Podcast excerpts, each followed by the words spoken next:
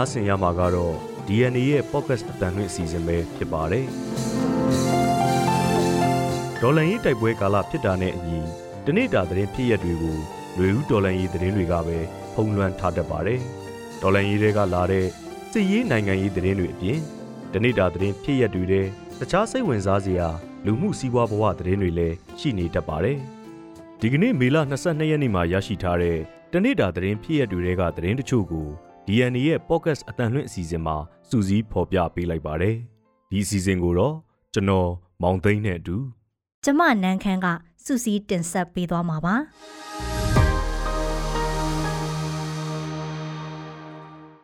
ပထမဦးဆုံးအနေနဲ့ပြည်သူ့ကုံကြီးစုအတွက်ရတဲ့စုငွေတွေကို CDM တွေအတွက်ပြန်လူခဲ့တဲ့တန်အမတ်ကြီးဦးကျော်မိုးထွန်းအကြောင်းကိုပြောပြပေးပါမယ်။အခုနှစ်အတွက်ပြည်သူ့ကုံကြီးစုချင်းမြင့်ခံရတဲ့ တန်အမတ်ကြီးဦးကျော်မိုးထွန်းဟာအဲ့ဒီစုရွေးချယ်ရေးအဖွဲ့ကချင်းမြင့်တဲ့စုငွေအမေရိကန်ဒေါ်လာ1000ကို CDM ဝန်ထမ်းတွေအတွက် NUG အစိုးရကတဆင့်ပြန်လည်လူဒန်းလိုက်ပါတယ်။14ကြိမ်မြောက်ပြည်သူ့ကုံကြီးကုံပြုပွဲအခမ်းအနားကိုအမေရိကန်ပြည်ထောင်စု Los Angeles မြို့မှာမနေ့ကညနေပိုင်းကကျွမ်းမခဲ့ပြီးအဲ့ဒီအခမ်းအနားမှာအခုနှစ်အတွက်ပြည်သူ့ကုံကြီးစုရှင်အဖြစ်ရွေးချယ်ခံထားရတဲ့ကုလသမဂ္ဂဆိုင်ရာမြန်မာအမြဲတမ်းကိုယ်စားလှယ်တန်အမတ်ကြီးဦးကျော်မိုးထွန်းကိုယ်တိုင်စုတက်ရောက်လက်ခံခဲ့ပါတယ်။ဒီစုဟာသူတဦးတဲ့အတွက်ပေးတာမဟုတ်ဘဲဒေါ်လာရေးမှာပုံစံမျိုးစုံနဲ့ပါဝင်နေကြတဲ့သူတွေအားလုံးနဲ့သက်ဆိုင်တယ်လို့ခံယူကြောင်းတန်အမတ်ကြီးကစုပေးပွဲမှာပြောပါတယ်။မနေ့ကစုပေးပွဲမှာတန်အမတ်ကြီးဦးကျော်မိုးထွန်းက ပြည်သူ့ကုံရီစုတစိတ်ကိုလက်ခံရယူခဲ့ပေမဲ့စုချင်းငွေအမေရိကန်ဒေါ်လာ1000ကိုတော့ကိုယ်တိုင်လက်ခံရယူခဲ့တာမျိုးမရှိဘဲသူ့ရဲ့ဆန္ဒအလျက် NUG အစိုးရကတဆင့်စီဒီအမ်ဝန်ထမ်းတွေအတွက်ဆက်လက်လူရန်မှာဖြစ်ကြောင်းပြည်သူ့ကုံရီအသင်းကကြေညာခဲ့ပါတယ်။ ပြည်သူ့ကုံကြီးအသင်းဟာ2009ခုနှစ်ကတည်းကစတင်ကလူမှုရေးတွေမှာကိုကြိုးစွန့်ပြီးစွမ်းစွမ်းတမန်ပါဝင်ဆောင်ရွက်နေတဲ့မြန်မာလူအဖွဲ့အစည်းတွေကလူပုဂ္ဂိုလ်တွေကိုရွေးချယ်စုပေးခဲ့တာဖြစ်ပြီးတင်းနဲ့မှာ14ကြိမ်မြောက်အဖြစ်စုပေးခဲ့တာဖြစ်ပါတယ်။ပြီးခဲ့တဲ့နှစ်တွေကပြည်သူ့ကုံကြီးစုအဖြစ်အတိကစုတွေနှစ်စဉ်ပေးတဲ့အပြင်အလင်းတင်တလူအခြားစုတွေကိုပါထည့်သွင်းပေးလိမ့်ရှိပေမဲ့အခုနှစ်မှာတော့မြန်မာပြည်နှွေဦးတော်လှန်ရေးကာလအတွင်းမှာကြုံတွေ့နေရတဲ့အခြေအနေအရရက်တွေကြောင့် ပြည်သူ့ကုံကြီးပင်မစုတစ်ခုတည်းကိုတာရွေးချယ်ကုန်ပြုခဲ့တာဖြစ်တယ်လို့ပြည်သူ့ကုံကြီးအသင်းကပြောပါတယ်။2021ခုနှစ်မှာအာဏာသိမ်းမှုဖြစ်ပြီးတဲ့နောက်ပြည်သူ့ကုံကြီးအသင်းဟာနှစ်စဉ်ဒေါ်လာရင်းနဲ့သက်ဆိုင်တဲ့အဖွဲ့အစည်းတွေလူပုဂ္ဂိုလ်တွေကိုပြည်သူ့ကုံကြီးစုရှင်တွေအဖြစ်ကြီးညာခဲ့ပြီး2021ခုနှစ်အတွက်ပြည်သူ့ကုံကြီးစုကိုနှွေဦးဒေါ်လာရေးလှုပ်ရှားမှုတစ်ခုလုံးအတွက်ရည်ရွယ်ပေးအပ်ခဲ့ပါတယ်။ အဲ့ဒီနေ့အတွက်စုချင်းငွေကိုလည်းဒေါ်လာရေးလှုပ်ရှားမှုတွေကလိုအပ်နေတဲ့နေရာတွေကိုလှူဒန်းခဲ့ပါတယ်။ပြီးခဲ့တဲ့2022ခုနှစ်မှာတော့အာနာသိမ့်မှုကိုစန့်ကျင်တော်လန်တဲ့ဒေါ်လန်ရေးအင်အားစုအဖွဲ့အသီးသီးကိုဂုံပြုချင်းမြင့်ထောက်ပံ့မှုတွေပြုလုပ်ခဲ့တယ်လို့သိရပါဗျ။ဒုတိယသတင်းတစ်ပုဒ်အနေနဲ့ရန်ကုန်မှာရက်ကွက်အုပ်ချုပ်ရေးအဖွဲ့ဝင်3ဦးပြစ်ခတ်ခံရပြီးတေဆုံးတဲ့သတင်းကိုပြောပြပေးပါမယ်။ရန်ကုန်မြို့တကုံမြို့သစ်စိတ်ကမ်းမြို့နယ်88ရက်ကွက်မှာဒီကနေ့မနက်ပိုင်းက အုပ်ချုပ်ရေးမှုဖြစ်သူတောက်တက်ခေါ်ဇော်လွင်အပါအဝင်3ဦးပြစ်သက်ခံရမှုဖြစ်ပွားခဲ့ပြီးတဲ့နောက်စစ်ကောင်စီတပ်တွေကလူငယ်အချို့ကိုဖမ်းဆီးမှုတွေရှိနေတယ်လို့ဒေသခံတွေကပြောပါတယ်။တကုံစိတ်ကမ်းမြို့နယ်88ရပ်ကွက်အုပ်ချုပ်ရေးမှူးတောက်တက်ခေါ်ဇော်လွင်အပါအဝင်၃ဦးဟာဒီကနေ့မနက်ပိုင်းကလမ်းပေါ်မှာတွာလာနေချိန်အမည်မသိသူတွေကတနက်နဲ့အချက်20လောက်ပြစ်ခတ်ခဲ့တာကြောင့်တေဆုံးသွားကြတယ်လို့သိရပါတယ်။အဲ့ဒီပြစ်ခတ်မှုဖြစ်ပွားပြီးတဲ့နောက်စစ်ကောင်စီကအဲ့ဒီမြို့နယ်အတွင်းမှာပိတ်ဆို့စစ်ဆေးမှုတွေလုပ်ကာ လူငယ်တချို့ကိုဖမ်းဆီးခဲ့ရမှာဗျံကြအလုတ်သမားတွေလည်းဖမ်းဆီးခံခဲ့ရပြီးဖြစ်စဉ်နဲ့မသက်ဆိုင်သူတွေလို့ဒေသခံတွေကပြောကြပါတယ်။ဒီကနေ့ပြစ်ခတ်ခံရတဲ့အုပ်ချုပ်ရေးမှူးတောက်တက်ခေါ်ဇော်လင်ဟာစစ်တပ်အာဏာသိမ်းပြီးတဲ့နောက်အုပ်ချုပ်ရေးမှူးခင်ဦးနဲ့ဒုတိယအုပ်ချုပ်ရေးမှူးသိန်းစော်တို့ပြစ်ခတ်တပ်ဖြတ်ခံရပြီးတဲ့နောက်88ရက်ကွက်ရဲ့၃ယောက်မြောက်အုပ်ချုပ်ရေးမှူးဖြစ်တယ်လို့သိရပါတယ်။စစ်ကောင်စီတပ်တွေကဒဂုံစိတ်ကမ်းမြို့နယ်ရဲ့အဝင်အထွက်တွေဖြစ်တဲ့လဲကူးမြို့နယ်ရဲ့မြောက်ဘက် ဒဂုံမြို့တစ်တောင်ပိုင်းနဲ့တာကီတာမြို့နယ်ဘက်အထွက်လမ်းတွေကိုပိတ်ဆို့ရှာဖွေတာတွေလုပ်ခဲ့တယ်လို့ဒေသခံတွေကပြောပါတယ်။ဆက်လက်ပြီးတော့သတင်းပတ်၃ခုကျော်ကြာတဲ့အထိအစအနပြောက်နေတဲ့မွန်တော်လန်ရေးတပ်ဖွဲ့ဝင်တွေအကြောင်းကိုပြောပြပါမယ်။ကရင်အမျိုးသားအစည်းအရုံး KNU တပ်မဟာလေးတပ်ရင်ဆက်တက်ကပိုးကြီးစောပွဲမှုရဲ့ဖိတ်ခေါ်ချက်အရတွားရောက်တွေ့ဆုံပြီးတဲ့နောက်အပြန်လမ်းမှာနှစ်ကြိမ်တိုင်း6မြောင်ပစ်ခတ်ခံရမှုအတွင်းပျောက်ဆုံးနေတဲ့တပ်ဖွဲ့ဝင်9ဦးကို သုံးပတ်ကျော်ကြာတဲ့အထိရှာမတွေ့သေးဘူးလို့မွန်ပြည်ကာကွယ်ရေးတပ် MSDF ကပြောပါတယ်။မွန်ပြည်ကာကွယ်ရေးတပ်ရဲ့ဥဆောင်မှုအောက်မှာရှိတဲ့တနင်္သာရီဒေတာတက်တပ်ရင်သုံးတာဝန်ခံနိုင်တမော့ချမ်းနဲ့တပ်ဖွဲ့ဝင်12ဦးဟာတော်လန်ရေးလှုပ်ရှားမှုတွေပူးပေါင်းလှုပ်ဆောင်ဖို့ KNLA တပ်ရင်း7ကဗိုလ်ကြီးစောပွဲမှုနဲ့တာဝန်ရှိသူတွေကိုဧပြီလ29ရက်မှာတွားရောက်တွေ့ဆုံခဲ့ပြီးအဲ့ဒီကအပြန်နောက်တရက်မနက်ပိုင်းမှာ တနင်္သာရီတိုင်းပုတ်ပြင်းမြို့နယ်အတွင်းနှစ်ကြိမ်ပြစ်ခတ်ခံခဲ့ရတာပါအဲ့ဒီလိုပြစ်ခတ်တာကြောင့်မွန်ပြည်ကာကွယ်ရေးတပ်ကတက်ခွဲမှုတအူတပ်သား2ဦးနဲ့အယက်သားရင်မောင်းတအူတေဆုံးခဲ့ပြီးတနက်မျိုးစုံကိုလက်သိမ်းစီခံခဲ့ရတဲ့အပြင်တပ်ဖွဲ့ဝင်9ဦးနဲ့ပါအဆက်အသွယ်ပြတ်တောက်သွားခဲ့တာဒီကနေ့အထိဖြစ်ပါတယ်။မွန်ပြည်ကာကွယ်ရေးတပ် MSDF တွက်ဖက်အတွင်းရေးမှုကတော့ပြစ်ခတ်မှုဖြစ်ခဲ့တဲ့နေရာတွေဟာ KNU နယ်မြေဖြစ်တာကြောင့် တပ်ဖွဲ့ဝင်တွေကိုမြေပြင်မှာစုံစမ်းရှာဖွေဖို့အခက်အခဲတွေရှိနေတယ်လို့ DNA ကိုပြောပါတယ်။ပြစ်ခတ်မှုအတွက် MSDF က KNL တပ်ရင်စစ်တီရဲ့တပ်ဖွဲ့ဝင်တွေလို့ဆွဆွဲထားပြီးအခုလိုပြစ်ခတ်မှုကိုစုံစမ်းဖော်ထုတ်အရေးယူပေးဖို့ KNU ပဟို KNU တပ်မဟာလေးစစ်ရုံတို့ကိုဆက်သွယ်ထားပြီးမဲ့တစုံတရာထူးခြားမှုတော့မရှိသေးဘူးလို့သိရပါတယ်။ဒါအပြင်အဲ့ဒီကိစ္စနဲ့ပတ်သက်ပြီးကုညီဖြည့်ရှင်းပေးဖို့မေလ၄ရက်က အမျိုးသားညီညွတ်ရေးအစိုးရ NUG သမ္မတရုံးနဲ့ကာကွယ်ရေးဝန်ကြီးဌာနတွေစီစာပို့ထားပြီးစာလက်ခံရရှိကြောင်းအကြောင်းပြန်ပေမဲ့အခြားတစုံတရာထက်အကြောင်းပြန်တာတော့မရှိသေးဘူးလို့ဆိုပါတယ်။အခုဖြစ်စဉ်နဲ့ပတ်သက်ပြီး KNU တပ်မဟာလေးစစ်ရုံးကတစုံတရာမထုတ်ပြန်သေးသလို DNA ကဖုန်းနဲ့ဆက်သွယ်ခဲ့ပေမဲ့ဆက်သွယ်လို့မရခဲ့တဲ့အတွက်ပြစ်ခတ်မှုနဲ့ပတ်သက်ပြီးတိကျအတိမပြုနိုင်သေးပါဘူး။ မွန်ပြည်ကာကွယ်ရေးတပ် MSDF ရဲ့ဥက္ကဋ္ဌဒေါက်တာတီရီမွန်ချန်းကတော့အခုလိုပြစ်ခတ်ခံရပြီးမဲ့စစ်အာဏာရှင်စနစ်တော်လှန်ရေးအတွက် KNU နဲ့ဆက်ပြီးပူးပေါင်းလှုပ်ဆောင်သွားမယ်လို့မေလ9ရက်ကပြုလုပ်တဲ့သတင်းစာရှင်းလင်းပွဲမှာသတင်းထောက်တဦးရဲ့မေးမြန်းမှုကိုပြန်လည်ဖြေကြားထားပါတယ်။နောက်ထပ်သတင်းတပုတ်အနေနဲ့ຫນွေဦးတော်လှန်ရေးနှစ်နှစ်တာကာလအတွင်း CNDF တပ်ဖွဲ့ဝင်32ဦးကြာဆုံးခဲ့တဲ့သတင်းကိုပြောပြပေးပါမယ်။ ຫນွေဦးတော်လှန်ရေးကာလအတွင်းချင်းမျိုးသားအဖွဲ့ချုပ်ချင်းမျိုးသားကာကွယ်ရေးတပ်ဖွဲ့ CNO CNDF ကိုထူထောင်ပြီးတဲ့နောက်နှစ်နှစ်အတွင်းမှာကြာဆုံးခဲ့တဲ့တပ်ဖွဲ့ဝင်32ဦးထိရှိလာပြီလို့အဲ့ဒီတပ်ဖွဲ့ကမနေ့ကထုတ်ပြန်အသိပေးထားပါတယ်။ CNDF တပ်ဖွဲ့ဝင်တွေကတပ်ဖွဲ့ဝင်တွေပထမဆုံးကြာဆုံးမှုရှိခဲ့တဲ့နေ့ကိုအစွဲပြုပြီးမေလ22ရက်ကိုချင်းမျိုးသားအာဇာနည်နေ့အဖြစ် CNDF ကသတ်မှတ်ထားပြီးအာဇာနည်နေ့အထိမ်းအမှတ်ဖြစ်မနေ့ကထုတ်ပြန်ချက်တရက်ထုတ်ပြန်ခဲ့တာပါ။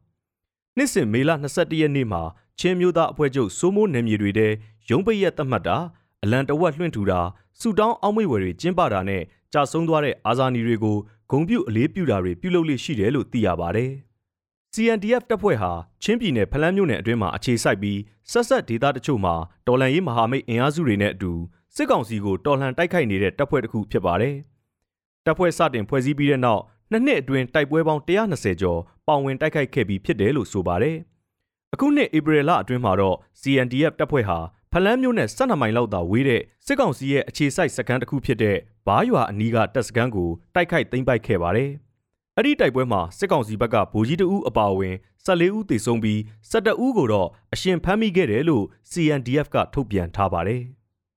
စစ်ကောင်စီစွမ်းအင်ဝင်ကြီးကိုနိုင်ငံတကာကပိတ်ဆို့အရေးယူမှုတွေရှိပေမဲ့ မိသားစုကတော့အကျိုးအမြတ်ဆက်ရနေတယ်လို့ JFN ပြောတယ်ဆိုတဲ့အကြောင်းကိုပြောပြပါမယ်။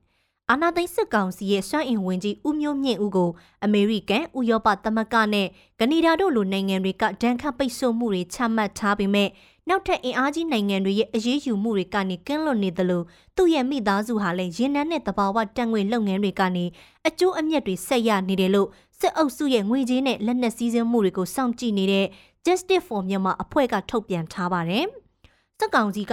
2022ခုနှစ်အတွင်းမှာစွမ်းအင်ဝင်ကြီးအဖြစ်ခန့်အပ်ခဲ့တဲ့ဦးမျိုးမြင့်ဦးကိုဩစတြေးလျလိုမြန်မာနဲ့စွမ်းအင်ကဏ္ဍပတ်သက်မှုတွေရှိတဲ့နိုင်ငံကတန်ခတ်ပိတ်ဆို့ထားတာမရှိသလိုဦးမျိုးမြင့်ဦးရဲ့ဇနီးဒေါက်တာအုံမာမေတန်လိုင်ကိုလည်းဘယ်နိုင်ငံကမှတန်ခတ်ပိတ်ဆို့ထားတာမရှိဘူးလို့ JFM ရဲ့ထုတ်ပြန်ချက်မှာဖော်ပြထားပါတယ်။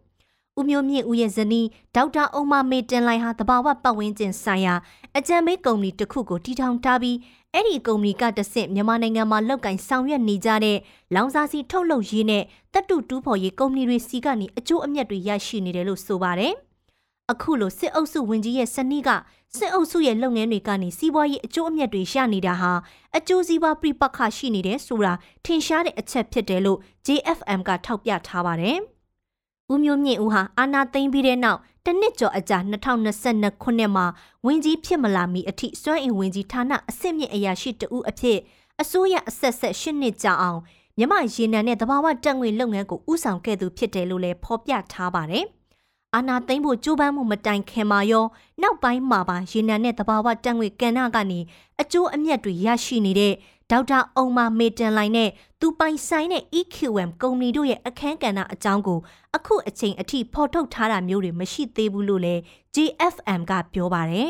။နောက်ဆုံးသတင်းတစ်ပုဒ်အနေနဲ့စစ်ကြောင်းထိုးမှုနဲ့ပြစ်ခတ်တိုက်ခိုက်မှုတွေကြောင့်ထန်းတပင်ဒေသခံ2000ခွဲကျော်စစ်ဘေးရှောင်နေရတဲ့သတင်းကိုပြောပြပေးပါမယ်။စစ်ကောင်စီတပ်တွေစစ်ကြောင်းထိုးတာနဲ့လေကြောင်းတိုက်ခိုက်မှုတွေကြောင့်ပဲခူးတိုင်းထန်းတပင်မြို့နယ်အတွင်း ကျေးရွာပေါင်း24ရွာကဒေသခံ2000ခွဲကျော်နေရက်စွန့်ခွာတင်းရှောင်နေရပြီးအကူအညီတွေလိုအပ်နေတယ်လို့အဲ့ဒီမြို့နယ်ပြည်သူ့ကာကွယ်ရေးတပ်ဖွဲ့ကအသိပေးထားပါတယ်။ KNU နယ်မြေကြောက်ကြီးမြို့နယ်နဲ့နယ်မြေထိစပ်နေတဲ့ထန်းတပင်မြို့နယ်ဇရက်ကြီးတောင်ကျန်းဒေသကိုစစ်ကောင်စီကတိုက်လေရင်တွေရဟတ်ရင်တွေနဲ့ဘုံကျဲတာပြစ်ခတ်တိုက်ခိုက်တာတွေလုပ်နေသလိုလက်နက်ကြီးတွေနဲ့ပစ်တာစစ်ကြောင်းထိုးတာတွေအကြိမ်အများအပြားလုပ်နေတယ်လို့ဆိုပါတယ်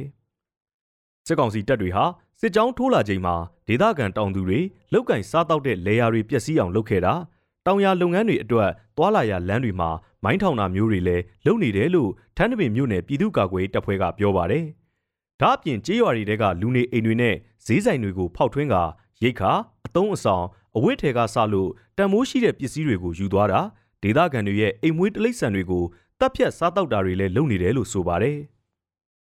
အဲ့ဒီလိုဖြစ်စဉ်တွေကြောင့်ဒေသခံတွေတိတ်ဆုံးပြီးထိခိုက်ဒဏ်ရာရမှုတွေလည်းအများပြားရှိနေပြီးလက်ရှိမှာတော့စစ်ကောင်စီတပ်တွေကဒေသခံတွေကိုဖမ်းဆီးပြီးလူသားတိုင်းအဖြစ်လုပ်ကငွေတွေနဲ့ပြန်ရွေးခိုင်းတာမျိုးတွေအထိလှုပ်လာတာကြောင့်ဒေသခံအများအပြားထွက်ပြေးတင်းရှောင်နေကြရတာလို့သိရပါဗျ။ဒီလိုဖြစ်စဉ်တွေကြောင့်ဒေသခံတွေဟာနေရက်စွန့်ခွာထွက်ပြေးတင်းရှောင်နေကြရပြီးရွှေပြောင်းနေထိုင်နေရသူတွေကိုကူညီတဲ့အနေနဲ့အိမ်ငှားကားတွေဈေးတင်တာ ကုန်စည်နှုန်းမြင့်တင်ရောင်းချတာမျိုးတွေမလုပ်ကြဖို့ထန်းတပင်မြို့နယ်ပြည်သူ့ကာကွယ်တပ်ဖွဲ့ကမြစ်တာရက်ခံတိုက်တွန်းထားပါတယ်။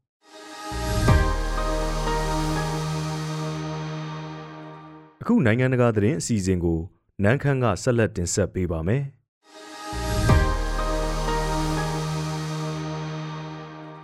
စပိန်နိုင်ငံမှာ F-18 တိုက်လေယာဉ်တစည်းလေတက်အခြေစိုက်စခန်းနဲ့ပြက်ကျပြီးပောက်ကွဲမိလောင်ခဲ့ပေမဲ့ လေယာဉ်မှုကတော့လေထီးနဲ့ခုန်ထွက်ပြီးလွတ်မြောက်ခဲ့ကြောင်းသိရပါတယ်။ပြီးခဲ့တဲ့သတင်းပတ်ကုံကဇာရာကိုဇာမြို့မှာရှိတဲ့စပိန်လေတပ်နဲ့အာကာသတပ်ဖွဲ့အခြေစိုက်စခန်းနဲ့ F-18 ပြက်ချခဲ့တယ်လို့ကာကွယ်ရေးဝန်ကြီးဌာနကအတည်ပြုခဲ့ပါတယ်။အဝေးကနေဖုန်းနဲ့ရိုက်ကူးထားတဲ့ဗီဒီယိုမှတ်တမ်းတွေအရတိုက်လေရင်ဟာအမြင့်ကိုကောင်းတောင်ပြန်တက်သွားပြီးတဲ့နောက်မြေပြင်ပေါ်ကိုပြန်ဆိုင်ဆင်းပြီးပောက်ကွဲမိလောင်သွားတာတွေ့ရပါတယ်။လေတက်စခန်းဟာမြို့အပြင်ဖက်10မိုင်လောက်အကွာမှာတည်ရှိနေပါတယ်။ လေရင်မှုကိုရှာဖွေတွေ့ရှိပြီးတဲ့နောက်ကယ်ဆယ်နိုင်ခဲ့ပေမဲ့လိုအပ်တဲ့ဆေးဝါးစစ်ဆေးမှုတွေလှုပ်ဆောင်ဖို့ဆေးရုံမှာရပ်ပိုင်းလောက်ထားရှိရအောင်မယ်လို့လည်းဂါခွေရေးဝန်ကြီးဌာနကဆိုပါတယ်။အမေရိကန်လောက်တိုက်လေရင်မှာဘလို့အမားအရွေးမျိုးကြုံခဲ့တယ်လဲဆိုတာကိုတော့တိတိကျကျမသိရသေးပါဘူး။အဲ့ဒီ F18 ဟာလေကြောင်းစွမ်းရည်ပြပြန်တမ်းမှုအစီအစဉ်တစ်ခုအတွက်ကြိုတင်လက်ကျင့်နေတဲ့ချိန်ပြက်ကျခဲ့တာလို့ဆိုပါတယ်။ Hornet လို့နာမည်ပြောင်းခေါ်ဝေါ်တဲ့ F18 တွေဟာ 1980ပြည့်နှစ်ဝန်းကျင်လောက်မှာစတင်ထုတ်လုပ်ခဲ့ပြီးအမေရိကန်ရဲ့မဟာမိတ်နိုင်ငံတချို့စီတင်ပို့ရောင်းချခဲ့ပါတယ်။စပိန်ဟာ McDonnell Douglas ကုမ္ပဏီထုတ် F18 တွေကို1983ခုနှစ်ကတည်းကအစည်းအဝေး80ကျော်မှယူထားခဲ့တာဖြစ်ပါတယ်။နောက်ပိုင်းမှာလည်းအရေးအတွက်အတိအကျမထုတ်ပြန်တဲ့ F18 တွေကိုစပိန်လေတပ်ကထပ်မံမှယူခဲ့ပါသေးတယ်။ဒါရာကိုဇာဟာစပိန်ရဲ့ F18 တိုက်လေယာဉ်အုပ်တွေဖြန့်ချက်ထားရနေရာတွေကတခုပါ။ တိုက်လေရင်ပြက်ကြရတဲ့အကြောင်းရင်းနဲ့ပတ်သက်လို့လောလောဆယ်ထိစပိန်ကာကွယ်ရေးဝန်ကြီးဌာနကပါမတ်ချက်မှမပေးဘဲနှုတ်ဆက်နေစေဖြစ်ပါတယ်။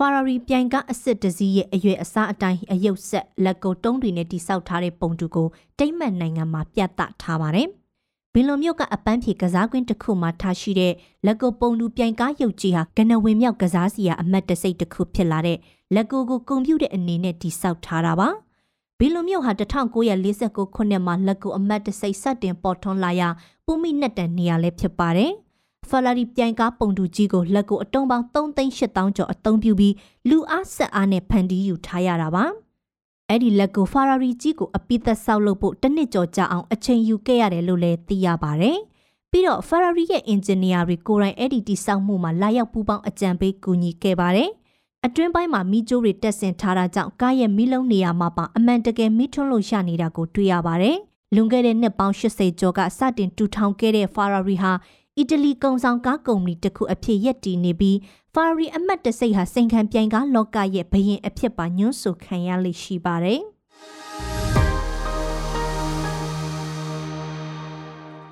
ဆက်လက်ပြီးတော့ຫນွေဦးတွေကကြပြာကြပြာတွေကຫນွေဦးအစီအစဉ်ကိုတင်ဆက်ပေးမှာပါ ဒီအစီအစဉ်ကိုတော့ဗညာမော်ကရေးသားထားပြီးကိုစိုးရကရွတ်ဖတ်ပေးမှာပါ။နှွေဦးတဲ့ကကြပြာကြပြာတွေကနှွေနှွေဦးတဲ့ကကြပြာကြပြာတွေကနှွေဦး85ဗညာမော်နှွေဦးမှာအာနာလူစကိုင်းအုပ်စုဟာသူ့ကိုလက်မခံတဲ့ပြည်သူကိုရန်သူလိုသဘောထားတယ်ဆိုတဲ့အချက်ဟာပြောစရာမလိုတော့တာလား။ အနာကိုတဦးချွန်နဲ့စွသလိုထက်ခါထက်ခါပြောနေကြရမှာလားမှန်ရကိုသာဆိုပါမယ်အမုန်းတရားကိုပွားဖို့ဆိုတာတဲ့ဒီစနစ်နဲ့ဒီအုပ်စုကိုတော့မဖယ်ရှားနိုင်ရင်တော့နိုင်ငံလဲအကျိုးနဲ့ပြည်သူလူထုလဲကံမွဲတဲ့ထက်မွဲเสียအကြောင်းဖြစ်တဲ့အတွက်သူတို့ကငါတို့ကိုရန်သူအဖြစ်တိတိကျကျသတ်မှတ်ထားပြီးဆိုတာကိုထက်ခါထက်ခါပြောလိုပါတယ် ရန်သူကိုခြေမှုန်းတဲ့အခါမှာသူတို့လဲအမားထက်ပြော့မယ်ထင်တဲ့နေရာရုပ်ပိုင်းရပြော့ပေမဲ့စိတ်သက်ရေးရာအရာသူတို့ကိုမယုံနိုင်စေရာအမာဆုံးဆန့်ကျင်တဲ့နေရာရင်းမြေအနေထားအရသူတို့ကဖိရတာပိုးလွယ်ကူပိုထိရောက်တဲ့နေရာက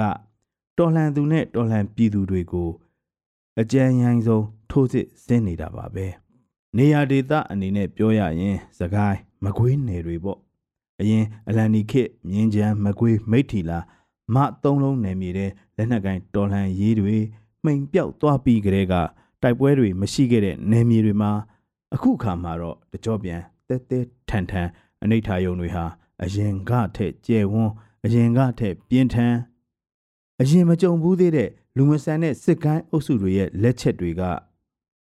နှစ်80ပြည်တွင်းစစ်မှာဖျက်ဆီးခံခဲ့ရတဲ့ပြည်သူလူထုအသက်အိုးအိမ်စီးစိမ် အရေးအတွက်ကိုနှစ်နှစ်တာကာလအတွင်းတာလွန်ဖျက်ဆီးပစ်ခဲ့တာကို တွေ့နေရပါတယ်။တိုင်းရင်းသားနယ်မြေတွေကအထိုက်လျောက်စစ်အင်အားရှိခဲ့နယ်မြေရအခွင့်အာဏာမှုတွေရှိနေတဲ့အတွက်စစ်တမ်းခံနိုင်ရေးရပြီးဖြစ်ပေမဲ့ဒီအညာဒေသလွင်ပြင်66ကကြေးလက်အညာသားတွေဟာအညာမွန်ဂိုတွေဖြစ်ကုန်ကြရတယ်ဒီအညာမွန်ဂိုဆိုတဲ့စကားလုံးဟာကြပြဆရာတစ္ဆာနီရဲ့ထင်ရှားတဲ့ လှိုင်သားရကြပြတဲ့ခါပါကြပြဆရာကတော်လန်လှိုင်သားရရဲ့တေလဲအစမ်းမဟုတ်မကြွေရဲပဲပန်းမလုပ်တဲ့ပြည်သူလူထုကိုအမွှန်းတင်ရေးဖွဲ့ရင်ကဘာစစ်ကိုမကြုံဘူးပေမဲ့နာဂစ်ကိုစုံဘူးတဲ့မြေဘဝကျွန်းပေါ်ပြန်ကြတွေရေကြီးမျက်နှုရာလဲကိုပြစ်လို့စက်ယုံရှာတဲ့အညာမွန်ကိုတွေရွှေပြောင်းအခြေချသူတွေစုဝေးရာလှိုင်သာယာဆိုတာ မြန်မာပြည်ရဲ့ထောဘတ်စော်မနန်နဲ့နယူးအင်္ဂလန်ပေါ့အခုတော့အညာမွန်ဂိုတွေဟာမိရှုခံရတဲ့ဂျားကပြန်ယုံကြွလာတဲ့မြေရိုင်းတွေဖြစ်နေပြီ။ဘာလုံးကျွတ်ကွက်ပြေထိုးမိတိုက်ခံထားရလို့အိုးမဲ့အိမ်မဲ့သဘုံတွေဖြစ်နေပြီ။ဒီတော့လဲတစ္ဆာနီးရဲ့အညာမွန်ဂိုဆိုတဲ့စကားလုံးကိုအတိမတ်ပြုတ်ဖော်ပြခေါင်းစဉ်တက်ပြီး ကြပြာရေးလိုက်တဲ့ကြပြာဆရာလေလွင့်ရဲ့အဆိုအရဂန္ဓာယာတဲကဝင်ပလွေရိုင်းတွေဖြစ်နေပြီပြောရရင်ဒီຫນွေဦးတော်လန်ရေးဟာအညာမြေတစ်ပိုင်းတည်းရဲ့တော်လန်ရေးမဟုတ်ပါဘူးဒါပေမဲ့ဗမာလူမျိုးကြီးစိတ်နဲ့လဝက်ကြီးအုပ်လက်နက်နဲ့အာနာအာကိုစိတ်ကြီးတဲ့မြန်မာနိုင်ငံရဲ့စစ်ကိုင်းအုပ်စုဟာအရှိမြောက်တခွင်မှာဗမာကွန်မြူနစ်ပါတီပြိုကွဲသွားပြီးတဲ့နောက်ပိုင်း ဗမာတော်လှန်ရေးသမားတွေမရှိတော့တိုင်းရင်းသားလက်နက်ကိုင်အုပ်စုတွေကိုတစုချင်းချင်းချောက်အခွင့်အရေးပေးချော့မြူးစုပ်တဲ့လှုပ်ရှားအစိတ်စိတ်ခွဲခြားရင်ပြည်တွင်းစစ်ကိုကောင်းစွာမွေးမြူထားနိုင်ခဲ့တယ်။မိကိုလည်းညှိဟန်ပြုတ်တယ်မိကိုလည်းလောင်စေတယ်ဆိုတဲ့နီးဟန်နဲ့တမိုင်းအရာအခြေစိုက်ရာဒေတာအရာတစုချင်းရှိတဲ့တိုင်းရင်းသားတော်လှန်ရေးအင်အားစုတွေကိုတိုင်းရင်းသားလက်နက်ကိုင်အင်အားစုတွေအဖြစ် နှိမ်ချဆက်ဆံရင်းဗမာတိုင်းရင်းသားတော်လှန်ရေးအင်အားစုတွေရဲ့နိုင်ငံရေးလှုပ်ရှားမှုတွေကိုဟုံဟုံထမတောက်နိုင်အောင်ယူဟာမျိုးစုံနဲ့ဖျောက်ထားနိုင်ခဲ့တယ်။အခုအညာမွန်ကိုတွေပေါ်လာပြီခက်ခက်ခဲခဲရုန်းကန်နေကြရတာမှန်ပေမဲ့အယက်သားပြည်သူလူထုကိုပဲရက်ကြေရွာကြေချိန်မုံခံနေရပေမဲ့မိစ္ဆာနယ်နမိတ်ကို နောက်ဆုံးဂျောင်ပိတ်ကန့်သက်ပယ်ဖြတ်ဖို့တော်လှန်စိတ်ဟာ အညာမွန်ကိုတွေရဲ့ငယ်တိတ်အထိအမြင့်ဆုံးတက်နေခဲ့ပြီးပြီကြပြားစရာလေလွင့်ဟာအရှိတရားကိုလက်ခံရင်ဆိုင်ပါတယ်ပျောက်ဆုံးသွားတဲ့ရွာပြက်တွေရှိနေခဲ့ပြီတဲ့ဒါပေမဲ့စိတ်ဓာအဓိပတိစိတ်ဓာတ်ကိုအဓိပတိတက်ပြီးဒီလိုမန်တင်းလိုက်ပါတယ်ဒီရွာပြက်ကြီးတွေဟာအညာမွန်ကိုတွေရဲ့ရှင်တန်ရာအင်ပါယာပါပဲတဲ့ အညာမွန်ကိုတွေရဲ့မန်တင်းတန်ကိုကြပြားစရာလေလွင့်ရဲ့အညာမွန်ကိုကနေကျွန်တော်တို့ကြားလိုက်ရပါကြောင်းကြောတခင်းစာလွင်ပြင်ကြဲကြဲတဲ့ရွေလျားခိုနားကြတဲ့အိုးမဲ့အိမ်မဲ့တပုံတွေခွေးအအိုတွေကိုအမဲလိုက်ဖို့မွေးဖွားလာကြတဲ့ဂန္ဓာယာတွေကဝင်းပလွေရိုင်းတွေငှက်တကောင်ရဲ့ ဓာတ်နဲ့လက်စစ်ဗျူဟာနဲ့မိုးကြိုးနဲ့ဖျားကိုစိန်ခေါ်ရဲသောတက်ကရစ်တစ်ခုရဲ့တော်လှန်သူစစ်တီတွေအညာမြေမှာသွေးတစ်ဆက်ကြရင်ခွေးတစ်ထက်လုံးပြုတ်စေခဲ့မိစ္ဆာစိတ်နဲ့အမြင့်တွယ်နေတဲ့နယ်နမိတ်ကိုအဆုံးသတ်ဖို့မိုးကုတ်စဝိုင်းအထိခီးထွက်ခဲ့ကြ သူယုံမာတို့ရဲ့အလောင်းကို မြုပ်နှံဖို့အညာမြေမှာတူးဆွထားတဲ့သမိုင်းတွေပေါ်ပျောက်ဆုံးသွားတဲ့ကြွားပြက်ကြီးတွေကအညာမုံကိုတို့ရဲ့ရှင်တန်ရာ